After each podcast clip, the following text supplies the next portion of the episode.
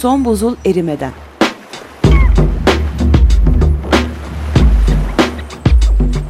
Küresel iklim değişikliğinin bilimsel gerçekleri üzerine.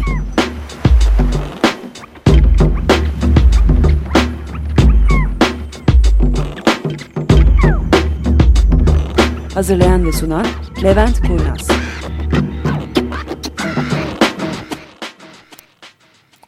Merhabalar. Bugün 23 Aralık 2014. Programa hoş geldiniz. Tufan bizimle. Merhabalar. Ve biz bir kez daha kapıda ya biz bugün ne konuşacağız diye geliyoruz içeri. Bilgisayarlar O derece açtık. hazırlıklıyız konuşmaya. Ee, esasında konuşacağımız çok şey var. Şakası bir tarafa yani Tufan'la da yani ne konuşacağız dememizin sebebi hani konuştuk mu aramızda? Yoksa esasında konuşacağımız şey belli çünkü geçen sefer bugün 23'ü 14 çıkartırsak ne eder? Ayın 9'uydu. Dolayısıyla Lima'daki görüşmelerin tam ortasında yaptık son programımızı. O zamandan bu yana da sizlerle görüşmüyoruz. Dolayısıyla Lima'da ne olup bittiğini Yani ve bakanımız 2000 yeni gitmişti o zaman da. Evet, Türkiye'nin evet. falan. 2015'te iklim görüşmelerinde bizleri neler bekliyor, ne konuda ne yapabiliriz? Yani daha doğrusu ülke olarak ne yapacağız? Bunların hepsini bir değerlendirmemiz gerekiyor bugün diye düşünüyorum. Evet. Heh, yani orada. e- evet bir baş sağlamak gerekiyor. Şimdi dolayısıyla geri kalan konular hep e, sene içerisinde bunları konuşuyor olacağız.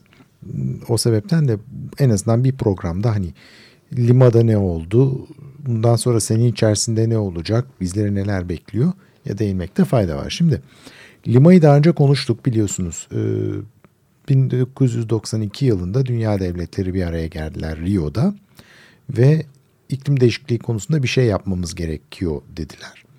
Bu yapmamız gereken şeylerden bir tanesi devlet yetkilileri her senenin sonunda bir araya gelip iklim değişikliği konusunda neler yapıldığını ve neler yapılacağını gözden geçireceklerdi.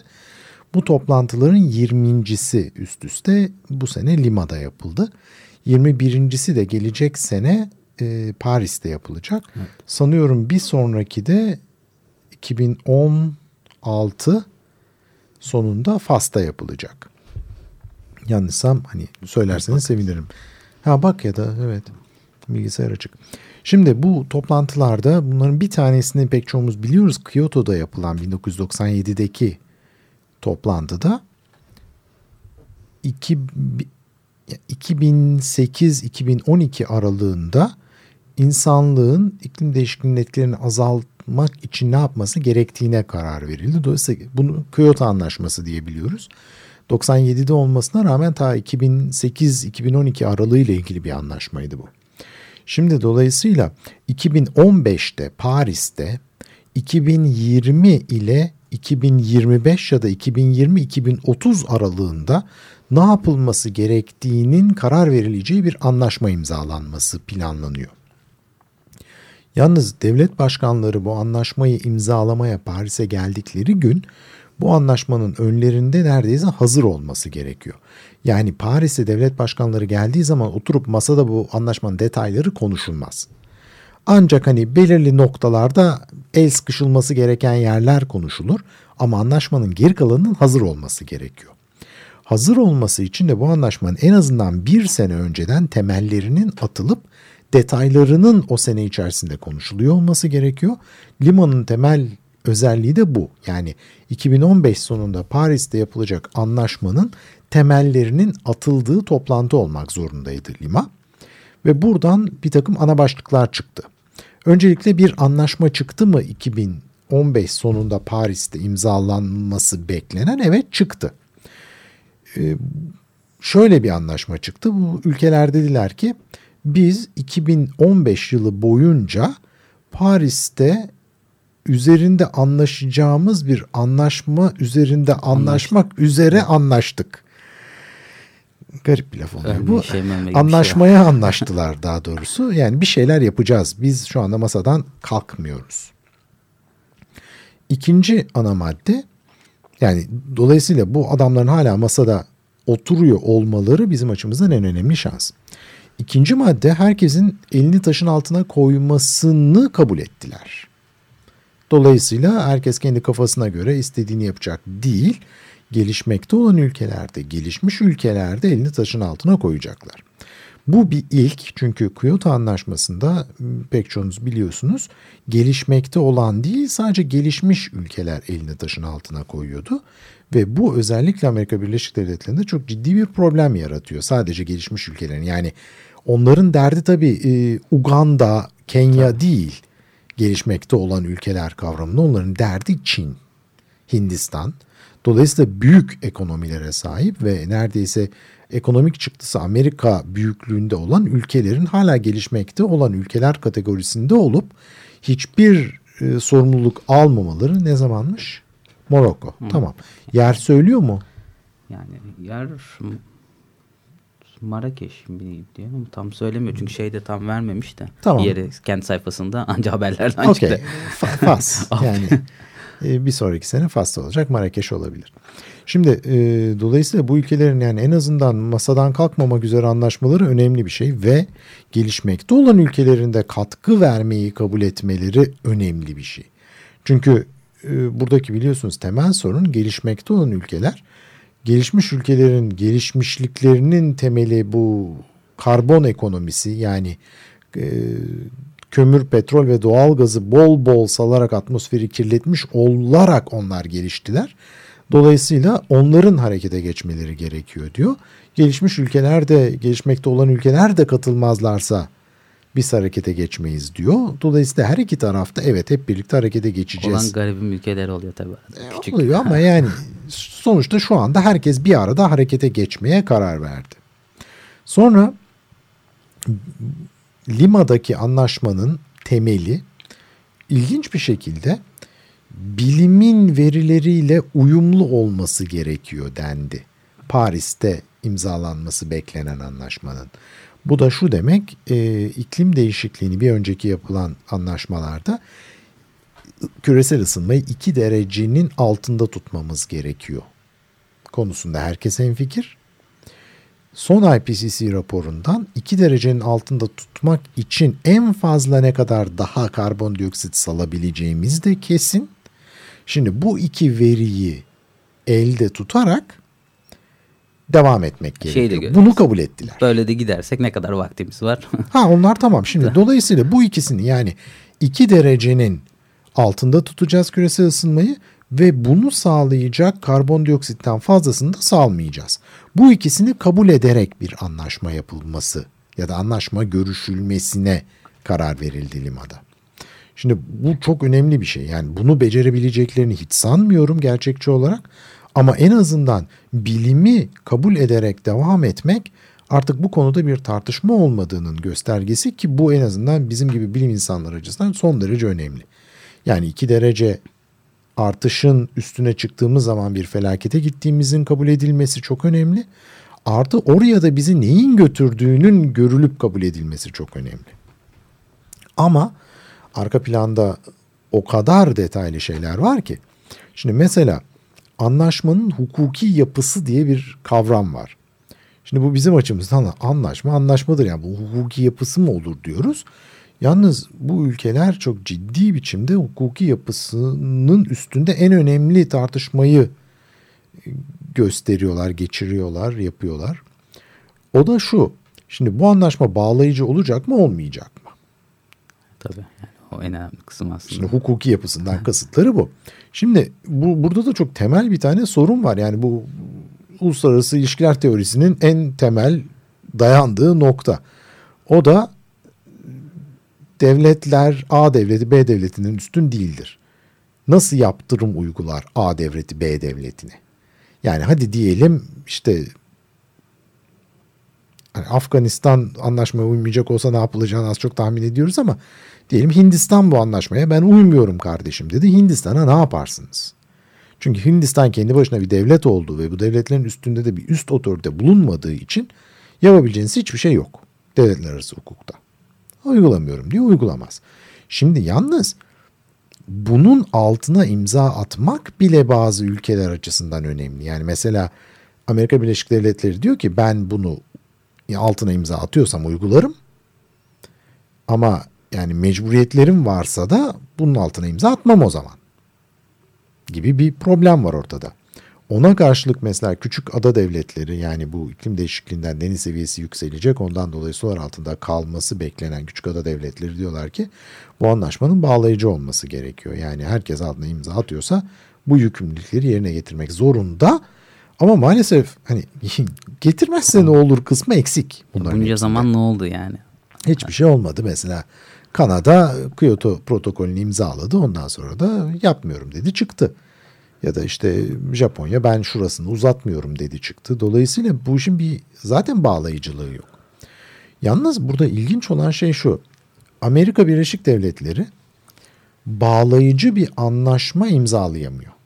Bunun temel sebebi de Amerikan Kongresi'nin şu anda Cumhuriyetçilerin eline geçmiş olması. Cumhuriyetçiler de böyle bir anlaşmayı kesinlikle kabul etmiyorlar kongreden geçmesini. Dolayısıyla bağlayıcı bir anlaşma olacak olursa Amerika Birleşik Devletleri bunu kabul edemiyor. Amerika Birleşik Devletleri kabul edemeyince Çin kabul de. edemiyor. Çin Amerika Birleşik Devletleri kabul etmeyince Avrupa Birliği'nde sorun çıkıyor. E bu üçünü zaten topladığımızda dünyadaki salımın neredeyse üçte ikisini bu üç grup en azından sağlıyorlar. Dolayısıyla bir anlamı kalmıyor. Onun için de bağlayıcılığı olmayan bir anlaşmanın imzalanması biraz daha olası görünüyor gelecek sene için. Yalnız bunda da bir tane gariplik var. Bazı ülkeler ısrarla bağlayıcılığı olan bir anlaşma imzalanmasını istiyorlar. Ve bu çok ısrarla isteyen ülkeler esasında anlaşmaya en karşı olan ülkeler. Avustralya gibi. Bunda da anlamamız gereken şey şu. Avustralya diyor ki ya böyle harbi bağlayıcılığı olan bir anlaşma olacak olursa bu nasıl olsa Amerikan Kongresi'nden geçmez. Amerikan Kongresi geçten geçmeyince Çin de bunu kabul etmez. Ben de dışarıda kalmam ha, ben de, olayın hani, içindeyim. evet olayın içindeymiş gibi davranır ve anlaşma da ortadan kalkmış olur Kötü otomatikman. Aynen o. Avustralya'nın yapmaya çalıştığı da bu. Şimdi bu problemin birinci kısmı.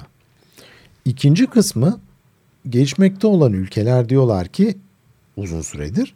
Bizim ortak ama farklılaştırılmış yükümlülüklerimiz olması gerekiyor.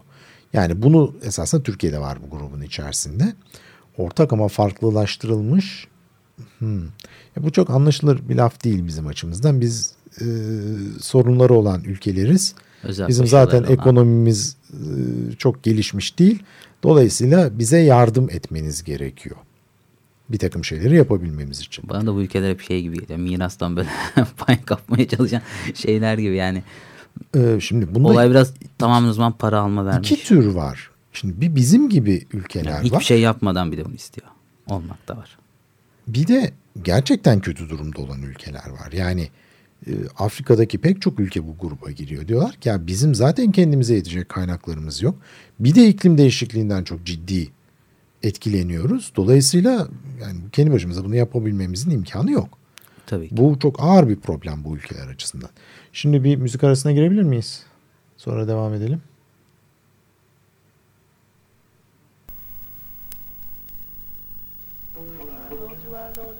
Crime you real.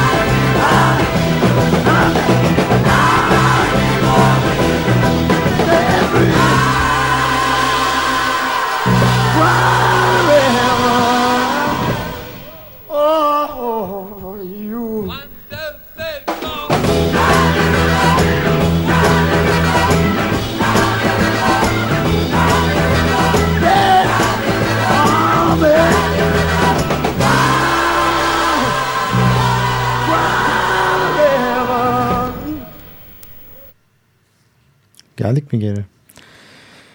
Ee, şimdi ben bu konuya girmemek istiyordum ama tamamen canavimden vurdular beni. Ee, dün akşamdan beri benim moralim çok ağır bozuk. Joe Cocker az evvel dinlediğiniz şarkıyı söyleyen.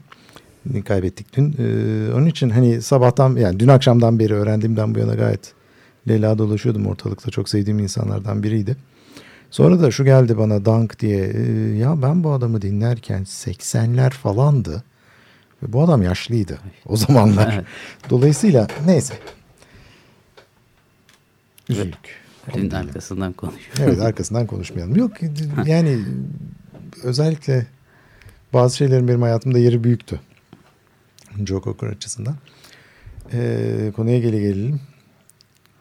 Bu geçmiş geçmekte olan ülkelerin temel sorunları diyorlar ki bizim bu konuda geçmişten gelen bir sorumluluğumuz yok. Geçmişten gelen sorumluluğu olan ülkelerin elini taşın altına koymaları gerekiyor.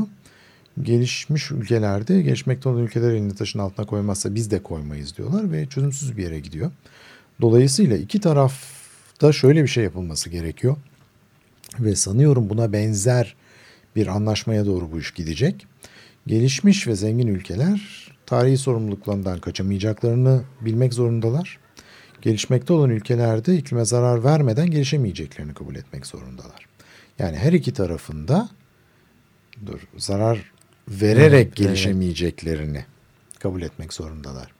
Bundaki temel nokta şu. Evet bu işteki yükün çoğunu gelişmiş ülkeler kaldırmak zorunda. Ama gelişmekte olan ülkeler de aman aman bizi ilgilendirmez bu konu biz istediğimiz kadar salarız saçarız şeklinde devam edemezler. Her iki tarafında bunu görüyor olması gerekiyor 2015'teki anlaşmaya varabilmek için. Sonra bir başka problem bunun içerisinde gelişmekte olan ülkelerin çoğu aynı zamanda bu iklim değişikliğinden en kötü etkilenecek ülkeler listesindeler. Yani Amerika Birleşik Devletleri evet kötü etkileri olacak. Almanya kötü etkileri olacak tamam ama yani bir Almanya ile bir ne bileyim Etopya'yı kıyasladığımızda ya da Çad'ı kıyasladığımızda görebilecekleri zarar epey ciddi kat kat farklı. Yani Etopya çok daha kötü durumda burada. Dolayısıyla Etopya diyor ki ben bu zararı gidermek için de bir sürü masraf yapmak zorundayım. Bu yapacağım masrafları benim sera gazı azaltım için yapacağım masraflarmış gibi saysanız iyi olur. Yani sera gazı azaltımı artı e, bunun zararlarından korunmak hmm. için harcanacak parayı benim toplam bu konuda gösterdiğim çaba olarak sar, saymanız gerekiyor diyor. Gelişmiş olan gelişmiş ülkelerde hayır bu sadece sera gazı azaltım anlaşması diyorlar. Dolayısıyla orada çok ciddi bir problem var. Yani bir taraf e, bütün paketi sayalım öbürü yok hayır sadece sera gazı azaltımları. Burada bir anlaşmaya doğru gitmeleri gerekiyor. Bu anlaşmanın içerisinde de evet buna uyum için harcanması gereken paranın da bu hesabın içerisine katılmış olması gerekiyor. En azından benim görüşüm. Bu nereye varır? Ee, Paris'e kadar göreceğiz bunu.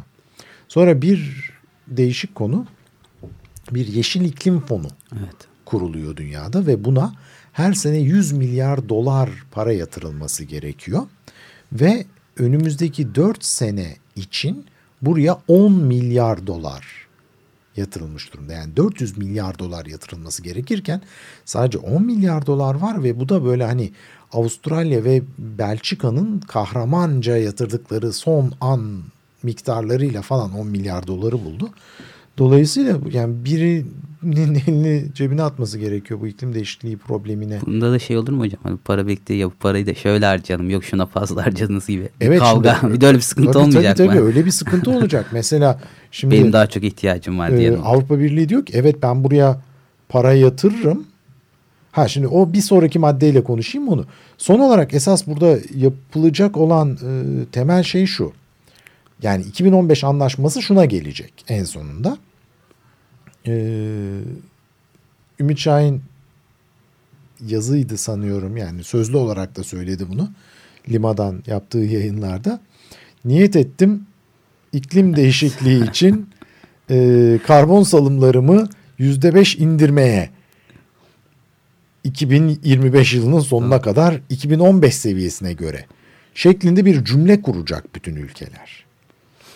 Ve bu niyet bildirimini esasında Mart ayının sonuna kadar yani Mart 2015'in sonuna kadar yapmak zorunda bütün ülkeler. Buna bizim ülkemizde dahil. Yani e, ama burada içinde kullandığımız bütün kelimeleri ülkeler kendileri seçiyorlar. Yani niyet ettim iklim değişikliğini durdurmak için o birazcık standart. Ee, 2025 yılı sonuna kadar o da birazcık standart. Ama 2015 yılındaki sera gazı salımlarımı %5 arttırma, azaltmaya lafı yerine ne bileyim 2004 sera gazı diyebilir. 1990 diyebilir. %5 yerine %3 diyebilir. Ben sadece %15 arttıracağım diyebilir. %30 azaltmaya diyebilir. O cümlenin gerisi herkes her ülkenin kendisine bırakılmış Ya da şey o üç kadar dediyse ben bu kadar. Şimdi Sonrasında. dolayısıyla şu anda Paris için yapılması gereken anlaşma bu bazda. Yani herkes kendisi ne yapacağını söyleyecek ve bu da bağlayıcı olmayacak. Yani biz Türkiye diyecek ki 2015 sarı gazı salımlarından %5 indirme indirim yapmayı planlıyoruz 2025 yılı sonuna kadar diyecek Türkiye. Bu çok güzel ve 2025 yılı geldiğinde yüzde 30 arttırmışsak biz e arttırdık ne yapalım yani Özel diyecek. koşullarımız vardı değil mi? Özel koşullarımız vardı. Yani bir yaptırımımız yok bu olayda. Yani planlanan anlaşma bu bazda. Bu sadece Türkiye değil. Geri kalan bütün ülkelerde aynı şekilde. Şimdi Avrupa Birliği diyor ki buna karşılık ben size bir para vereceksem bu 10 milyar dolar belki 100 milyar dolara çıkacak Yeşil İklim Fonu'nda biriken o zaman ben sizin bu lafı söyleme hakkınızı kabul etmiyorum diyor. Yani bana ben yüzde beş indireceğim 2025 yılının sonuna kadar dediğinizde ben size hop diyeceğim. Sen esasında ben sana bu parayı veriyorsam yüzde beş değil yüzde on beş indirmen gerekiyor. Öyle kafana göre yapamazsın. Şimdi e, doğal olarak da Amerika ile Çin olmaz öyle şey diyor. Öyle bir problem var ortada. Yani bir tarafta para vermeyi taahhüt eden ülkeler ben senin ne kadar taahhüt ettiğine karışma hakkını da elde tutuyorum diyor. Yalnız tabii bunu esasında Etopya için söylüyor Avrupa Birliği. Ama yani Etopya'ya karışırken Amerika Birleşik Devletleri'ne karışamazsın anlaşmaya konulamıyor. Ülkeler eş oldukları için ya da eş e, ne denir ona? Ne demeyeceğim? Yani eş değer olduğu için iki tane ülke yani Etopya Amerika Birleşik Devletleri'nden hani tamam anladık politikayı ama e, ülke olarak o ondan daha büyük ülkedir, küçük ülkedir, önemli ülkedir, önemsiz ülkedir diyemiyorsun. Dolayısıyla Amerika ile Çin demek ki Avrupa Birliği bizim de işimize karışabilir bu şekilde diyerek bu maddeye karşı çıkıyorlar ve bu neredeyse anlaşmanın en önemli maddelerinden bir tanesi. Dolayısıyla bu nerede ha bu son programı zaten senenin değil mi 2014'ün? Evet. Evet haftaya biz yokuz ondan sonra toplanacağız. Ee, buradaki temel nokta 2015 yılı boyunca bütün bu detayları konuşacağız. Bu programda konuşacağız. iklimle ilgili başka yerlerde konuşacağız. Dünyanın geri kalanında konuşuyor olacak. Ülkemizde de bu konuşulmaya başlandı. Yani burada bir ülkemizin özel koşulları bitti artık. Çünkü adam bize ne istersen yap diyor. Ne istersen yap deyince de özel koşul diye bir şey kalmıyor ortada. Ama ne söylüyorsak onun da arkasında durabilmemiz gerekiyor. Bir şey de söylememiz gerekiyor. Dolayısıyla bunların hepsi önümüzdeki aylarda birazcık çözüme kavuşacak. Biz de neler olduğunu dünyada görüyor olacağız. Ee, bir kez daha görüşmeyeceğimiz için iyi seneler, iyi seneler herkese. Yılbaşından sonraki ilk salı günü görüşeceğiz inşallah. Görüşmek üzere.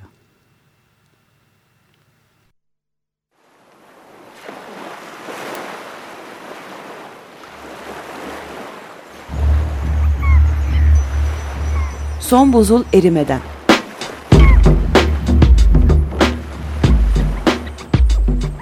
küresel iklim değişikliğinin bilimsel gerçekleri üzerine.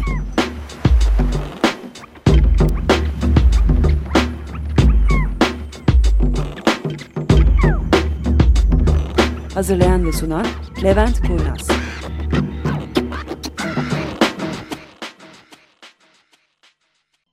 Açık Radyo program destekçisi olun. Bir veya daha fazla programa destek olmak için 212 alan koduyla 343 41 41